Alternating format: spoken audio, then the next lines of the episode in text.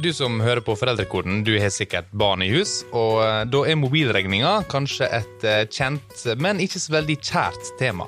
For det kan jo fort bli kaotisk å holde styr på hvem som har brukt hva, og hvor mye de ulike tinga koster, men det slipper du med familiepakka fra OneCall.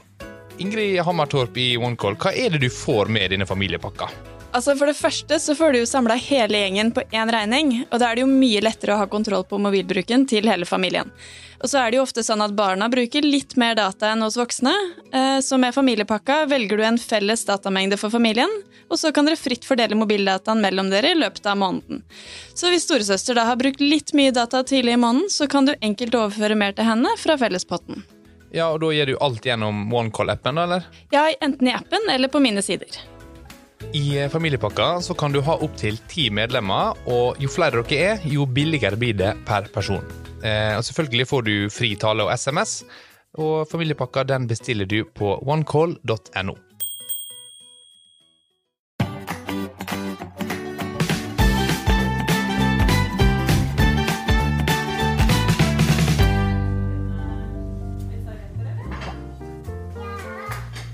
Spis opp, smak, smak en gang til, tygg, svelg. Ikke sant? Det var jo helt forferdelig, sikkert. Det, og det var ikke noe hyggelig rundt matbordet. Til tonene fra taffelmusikk ønsker vi velkommen til en ny episode av Foreldrekoden. Og nettopp slik skulle man kanskje ønske at soundtracket til familiemiddagene hørtes ut. Sånn er det jo ikke helt, så kanskje vi bare skal ta den vekk. Du hørte nettopp trebarnsmor Rose Arntzen sette den verbale tonen for ukas episode. Rose er også ernæringsfysiolog, og da skulle man kanskje tro at mat, barn og kresenhet var enkelt å håndtere for henne. Men som du skal få høre mer av senere, sånn er det ikke nødvendigvis. Hedvig Montgomery, temaet i dag handler isolert sett om en enkel handling. Noe spiselig føres fra tallerken til munn, men i livet med barn, i og for seg uten barn også, er dette gjerne kime til stor frustrasjon og bekymring. Og Hedvig, Hvorfor er mat blitt så komplisert? Altså, nå må du bare si at vi vil jo barna våre vårt vi vil jo barna våre det aller, aller beste. Og i våre dager så har vi mye ressurser og mange valgmuligheter. Så der hvor mat før var bare eh, noen få valgmuligheter, så har vi i dag veldig store valgmuligheter. Og vi har fått et nytt område å bekymre oss på, rett og slett fordi vi har muligheten for det. Så om det har blitt en større bekymringsfelt, ja, det er nok det. Og så er det også klart at det er økt kunnskap på feltet. Mange sykdommer og intoleranser var vi rett og slett ikke klar over. Eh, det var for få barn som fikk diagnosen og som gikk med vondt i magen og, og, vokste dårlig i mange år før det ble oppdaget i gamle dager. Hvor vi nå heldigvis, eh, også på godt må jeg si, oppdager det i tide. Hva er som er de typiske bekymringene i forhold til barna og deres matinntak? Altså når vi ser på det, de helt normale bekymringene, så er det jo én om, om de spiser nok. Og derav følger også to om de spiser for mye. Og så er tre om de spiser sunt nok. Min erfaring er at eh, det gikk overraskende greit ganske lenge. Eh, til det så skjedde det et eller annet i toårsalderen. Eh, inntil da hadde alt gått i glufse, det være seg nedtråkka rosiner eller eh, liksom fetaost på tallerkenen. Og så plutselig så var det full stopp hva er det egentlig som skjedde, eller skjer, i denne perioden? Ja, Når han er ca. to? Ja, noe sånt, ja. ja. Eh, når barna er ca. to år, så skjer det en utvikling av smaksløkene som gjør at de går fra å være altetende og uerfarne førstegangsforeldre er jo veldig begeistret over ettåringen sin som spiser alt fra oliven eh, til eh, rå løk. Eh, og de sier at Sitron, til og med. Ja. Sitron, ja. Og da er det lett å føle seg litt vellykket som forelder sånn tidlig og tenke at jeg har fått et barn som ikke er kresent, og jeg har lært barnet mitt å spise allsidig. Eh, men når smaksløkene kommer skikkelig på plass, så skjer jo selvsagt det stikk motsatte. Nemlig at alle disse sterke smakene oppleves som eksplosjoner inni munnen. Eh, og det sammenfaller jo med den fine alderen at barnet finner at det går an å si nei til ting man ikke vil. Ja, så her eh, blir det brått mye nei. Og plutselig så går barnet fra å være altetende til å bare like pasta med smør, f.eks. Og det kan jo være en veldig sterk kime til frustrasjon og irritasjon. Og hvordan skal man egentlig håndtere det? Det mest typiske er vel kanskje middagsbordet, hvor familien er forsøksvis i samla, og skal nyte et godt måltid sammen. Ja, det kan du si. Men med toåringer så må man vite at det å ha familien samlet rundt bordet er snakk om fem til ti minutter. Eh, for en toåring så er verden der ute så fantastisk spennende at det å sitte stille lenge av gangen er for mange utrolig vanskelig. Eh, så jeg har, jeg har ikke så store forventninger til familiekosen uh, i denne alderen her, akkurat rundt bordet. Det, det, det handler litt om når du har en to-treåring i hus, er rett og slett å ha mat som gjør at de nok får i seg nok mat fort nok til at de så kan gå fra bordet og holde på med sitt litt, mens dere andre får lov til å spise. Og Du snakker ikke da om fast food, går jeg ut ifra? Nei, eh, men de har jo små kropper, så det er ikke så utrolig mye mat som skal inn for at de skal holdes i gang. De spiser lite, men ofte i denne fasen. Så, eh, så, det er mer at det er eh, lett å ta med fingrene, lett å putte i munnen, lett å håndtere, er det jeg ser etter i, i matfatet akkurat i denne aldersgruppen her. Ja, for å være veldig konkret, hva, slags, hva, snakker du om da? Hva slags eksempler kan det være? Det er altså for eksempel så er jo fiskepinner delt opp i tre. Det er jo fantastisk mat uh, i, i, denne aldersgruppen her. Skal ikke undervurdere det. altså. Nei, det er et eller annet med at kan det tas uh, og holdes og puttes i munnen, så klarer de seg så mye bedre. Skjegrepet, det å lære seg å spise fint med kniv og gaffel, det krever en presisjon som de, som de får senere. Så jeg har ikke så store forventninger til bordskikk egentlig i denne aldersgruppen her. Eh, de, de spiser med skeia si på sin måte, men eh, jeg tenker jo at det viktigste nå er å ikke gjøre mat til en issue, ikke gjøre det til et problem allerede nå. Eh, gjør mat til noen ting som handler om å få i seg nok, og, og ha det hyggelig mens det skjer. Og det kan være fem minutter det er snakk om det? Ja, det er, eh, I mange familier er det akkurat fem minutter vi snakker om. Det kan nærmest klokkes inn. Og det skal man egentlig være ganske fornøyd med? Legger du ambisjonene for høyt, så blir selv noe så enkelt som mat en kamp. Altså I kamp mellom voksne og barn så har du jo bare to muligheter. Enten så vinner barnet, som egentlig er helt greit, eh, men som føles litt feil. Eller så vinner den voksne, og da blir barnet som er lite fra før, enda mindre. Så du får ikke til noe vekst når voksne vinner kamper gang på gang om denne type ting her. Nettopp. Så man skal ikke ha for høye forventninger når de er små. Eh, fem minutter ved bordet er helt OK. Uh, og det er ikke så innmari mye mat de egentlig skal ha. Vi overdimensjonerer kanskje litt, eller? Ja, vi overdimensjonerer. De aller fleste overdimensjonerer. Uh, og det må også sies at vi har også for store forventninger til hvor fort de skal lære seg å spise allsidig. Uh, det tar nemlig ganske mange år. I denne aldersgruppen her så spiser de ofte Er de periodespisere? De har en periode hvor de elsker gulrøtter og ingen andre grønnsaker. Fire måneder etterpå så er det brokkoli. Når det er sagt, eh, det handler jo om hvordan dere spiser hjemme. Og det jeg i hvert fall kan love her og nå, det er at barna kommer til å spise sånn som dere voksne spiser etter hvert. Ok, så man kan egentlig bare spise sin egen mat og konsentrere seg om det, og heller bare la det flyte noen år med de barna, så, og så jenker det seg til? Det gjør faktisk det. Eh, for deres idé om hvordan man skal spise, den utvikles i takt med at de ser på hva du spiser. Men man skal ikke ha for høye forventninger, sa du. Hva med når de blir litt eldre? Da må man kunne forvente litt mer? Ja, altså at de kan sitte litt lenger og at de kan bruke kniv og gaffel. Absolutt. Eh, men igjen, det er et ferdighetsspørsmål, sånn at de trenger både å få lov til å øve seg på det, og da også ikke gjøre det så vellykket en stund. Uh, og de trenger å, å, få lov til å få modnet det frem, altså at de faktisk har muligheten til det. Så uh, det er langsomt arbeid å få god bordskikk, og det er langsomt arbeid å få barn som, uh, som, sitter ved bordet så lenge som vi voksne skulle ønske. Og nå må det jo også sies at barn er forskjellige. Altså, noen er jo kvikksølv. Noen trenger at det skjer ting mye, mens andre syns det er veldig hyggelig å sitte og prate. Så det kommer jo også litt an på hva slags barn du har fått. Eh, mange foreldre kan jo ved middagsbordet finne på å si f.eks. noe sånt. Nei, OK, du vil ikke spise opp all maten. Du må i hvert fall smake litt, da. Smak litt, da. Er det en god strategi? Du kan jo si at det å oppfordre barna til å smake og si det er godt, prøv. Eh, det kan du gjerne gjøre. Men det er ikke sikkert at du lykkes. Eh, og hvis barnet virkelig ikke vil smake på noen ting, så er det ikke noe grunn til å pushe videre på det. Og presse et barn til å spise er å gå for rett og slett, Det er for invaderende. Så legg opp til at det er gøy å smake, men hvis barnet ikke vil smake nå, så tar du heller og rygger forsiktig ut av situasjonen ved å si noe slikt som at OK, eh, vet du hva, neste gang blir sikkert akkurat like godt.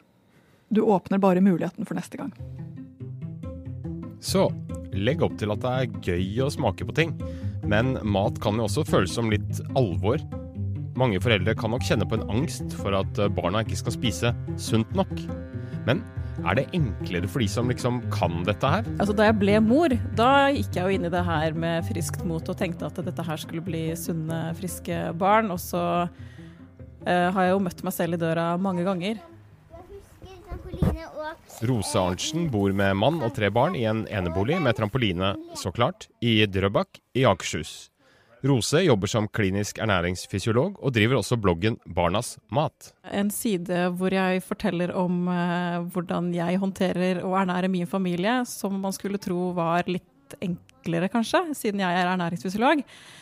Eh, men det er det jo ikke. Så jeg også sliter jo. Jeg liker sånne ting som knasker. Men jeg er heller ikke så glad i paprika.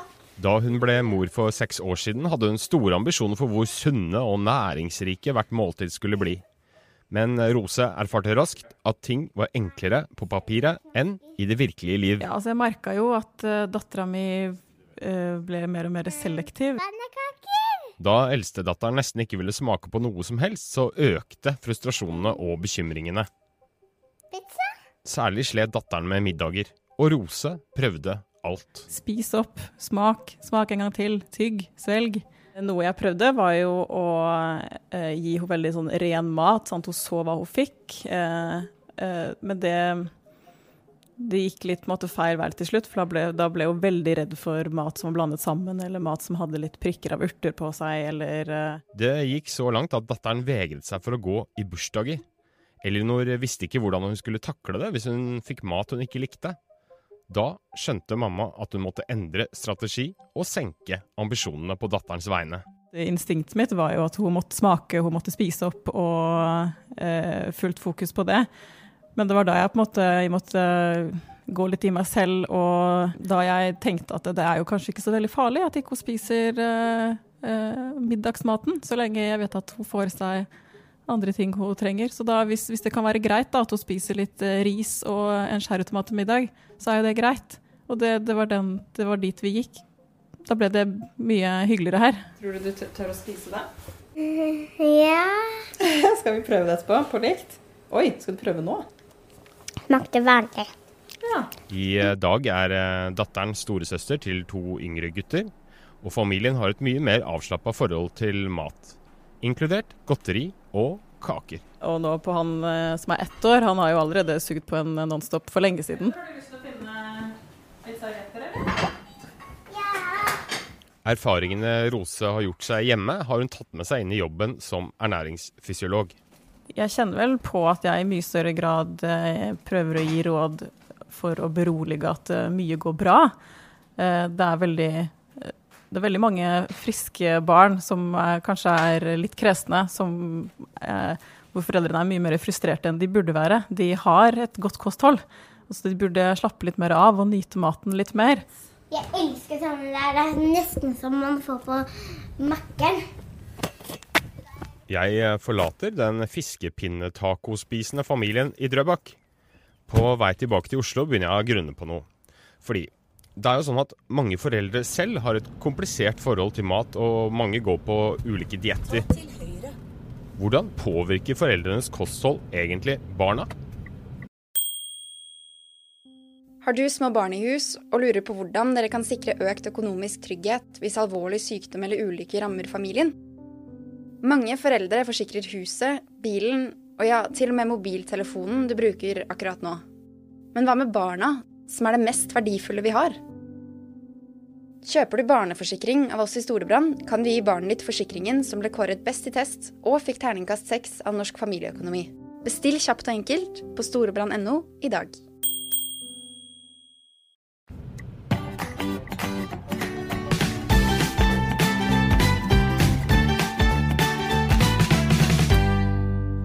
Barn lærer seg om kosthold ved å se hva foreldrene deres spiser. Det er liksom kunnskapskilde nummer én. Eh, så har du selv ideer om at uh, du skal gå på en spesiell diett eller du skal slanke deg, vit at det påvirker. altså Det går rett og slett rett inn hos barnet. Hvis du finner frem vekta for å veie hvor mye du, uh, du spiser, så kommer barnet til å tenke at det er sånn voksne gjør. Og det sier en del som kanskje er mer alvorlig enn det det høres ut som når jeg sier det i første omgang. Eh, jeg tror rett og slett at når vi er så heldige at vi har fått barn, så har vi et ansvar for å løse vårt eget kompliserte forhold til mat. Om vi syns at, at kaker er fy-fy, eh, så bør vi faktisk lære oss å spise kaker i det øyeblikk vi får barn, for de kommer til å spise kake. Eh, og de kommer til å være interessert i hvordan du håndterer dette her. Om du selv syns at du er veldig tjukk, så må du finne en måte å gå ned på som ikke preger hele familien. Fordi det er ikke en evig slankekur du vil sende ut barnet ditt på. Du vil sende ut barnet ditt på, et, på en reise hvor han eller hun har et avslappet forhold til mat. Uh, og for både gutter og jenter så lærer de seg mest av å se på mamma, viser forskningen. Det kommer sannsynligvis av at mødre er så sentrale, har vært så sentrale frem til nå i det å stå for disse tingene. Uh, jeg tror nok at vi kommer til å se et skifte nå når pappaene er mer ved grytene hjemme. Nå blir pappa like viktig. Hva er det verste man kan gjøre overfor et barn man er redd for spiser for lite? Du var inne på at det var et, eh, en gjenganger. Å ja. Det er å tvinge barnet til å spise. Eh, å tvinge mat inn i munnen på et barn er å gå altfor langt i sin maktbruk. Så har du et barn som ikke er spesielt glad i mat Og jeg må bare si, jeg var et sånt barn selv. Uh, jeg spiste nok det mine foreldre konstant mente var for lite. Som gjorde at jeg jeg den gangen, det er klart det er 70-tall, men allikevel, jeg måtte da sitte ved bordet til jeg hadde spist opp det som var blitt lagt på min tallerken av noen annen. Jeg har brukt mange timer alene ved bordet med mat i store mengder som jeg har sett på som helt uoverstigelig å få i meg.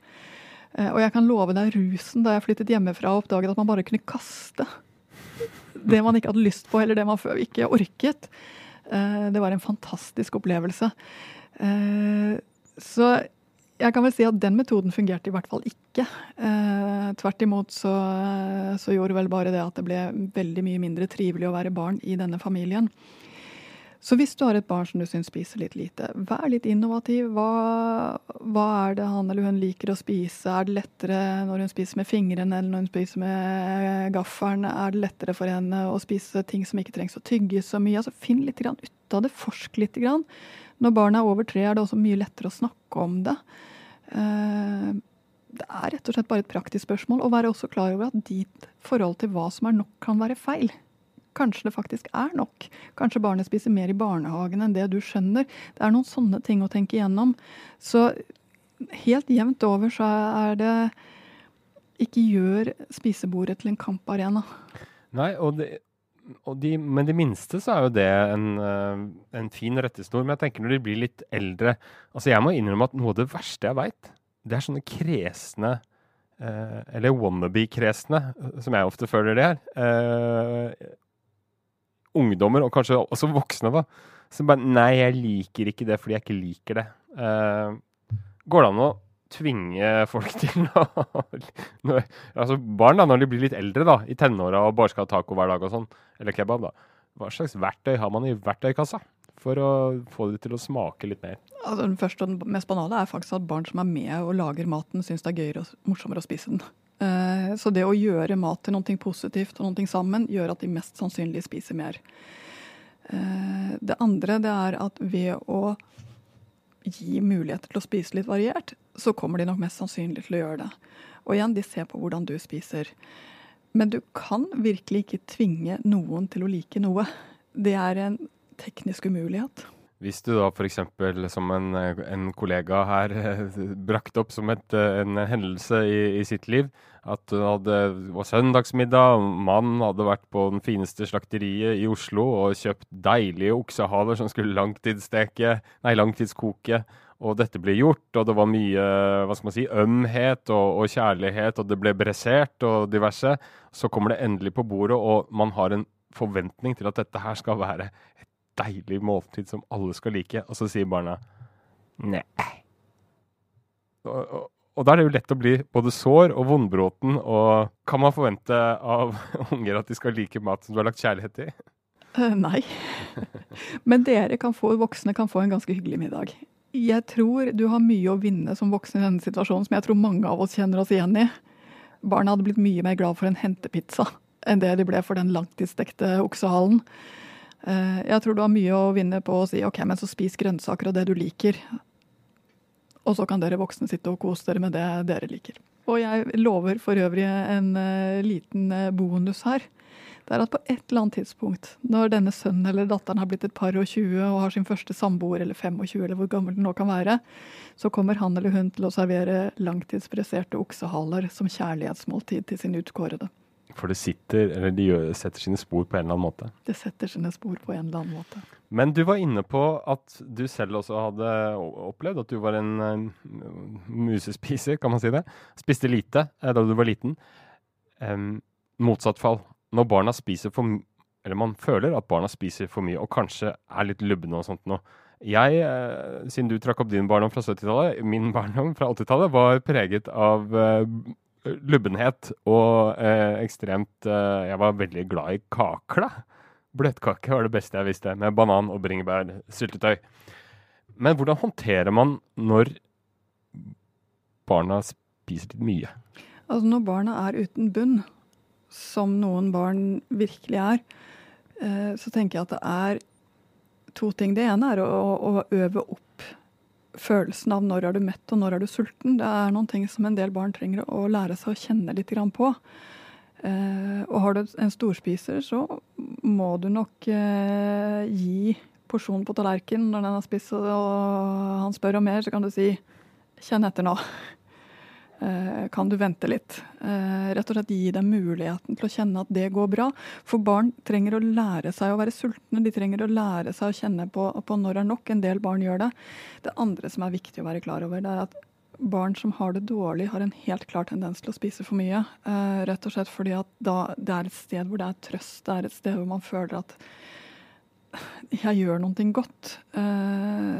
Eh, og ha barnet ditt altså er grunnen til at uh, han eller hun spiser mye, at det er vanskelig på skolen, at det er tungt, så er ikke det å begynne å mase om maten riktig sted. Da må du litt diskré rett og slett sørge for at det ikke er så mye kaker og, og godteri i skapet, og så må du hjelpe barnet ditt med det som faktisk er vanskelig. Slik at, Mener du at, at barna kompenserer eh, med å spise mye. Uh. Enten i form av en litt sånn slags klovneri, se hvor mye jeg kan spise. Uh, ja, mer, mer, i form av trøst. Altså, jeg spiser, altså, altså så er jeg. Og det, det, er mye vanligere enn det du skulle tro. Eh, hvis mor og far da kommer og slår hardt ned på det eneste stedet hvor du har det godt akkurat nå, så, så har du til slutt ikke noen steder igjen. Eh, så se litt hva som skjer. Tenk igjennom hva er det dette handler om. Hvis du har et barn uten bunn, er det et barn som trenger å lære seg litt mer rundt mat? Hva er metthet? Er det ok å være sulten litt? Du dør ikke. Og også, det må jeg også si, dette er jo helt bare sånn er alderen. Barn i denne interessante mellomalderen, 9, 10, 11, 12 de spiser ofte mye. De samler på seg litt valpefett som bare renner av igjen når de kommer opp i tenårene. Uh, og det gjør de fordi det er så krevende det kroppene deres skal igjennom. Men det er selvfølgelig lurt at det ikke blir altfor mye. Også i denne fasen her. Men da har de liten stopp på det selv. Så da er det rett og slett hva du har i skapene selv, og hva slags middager du selv lager der hjemme, som du har kontroll over, som er det du skal konsentrere deg om. Ikke ta moralpraten, ikke gjør dette til et område som, som sier noe som får barnet til å føle seg dårlig. Ikke kommenter kropp i det hele tatt. Helt frem til barna flytter hjemmefra, så er det du som er deres matmessige forbilde. Så se først over ditt eget kosthold før du begynner å pirke på barnas. Hvis det er en, en viktig en sentral do og en sentral don't, som på slutten, hva vil du si, hva er det fremste duet når det gjelder uh, barn og mat? Lag mest mulig god stemning rundt maten selv. Eh, lag mat i ulike farger. Uh, ikke vis Hvis du syns det er et ork å lage maten, ikke sukk og stønn så mye for det. Prøv å gjøre mat til et ålreit sted. Og en don't? Ikke press barn til å spise. Gode og ikke minst veldig viktige råd der til absolutt alle hjemme rundt bordet. Har du innspill eller reaksjoner på dagens episode, post det gjerne på veggen i vår Facebook-gruppe, som bare vokser og vokser, og det syns vi er veldig gøy. Du kan også sende en mail til foreldrekoden at aftenposten.no om hva som helst, nesten. Og da gjenstår det bare å si én ting. God middag! Eller frokost. Eller lunsj. Eller kveld.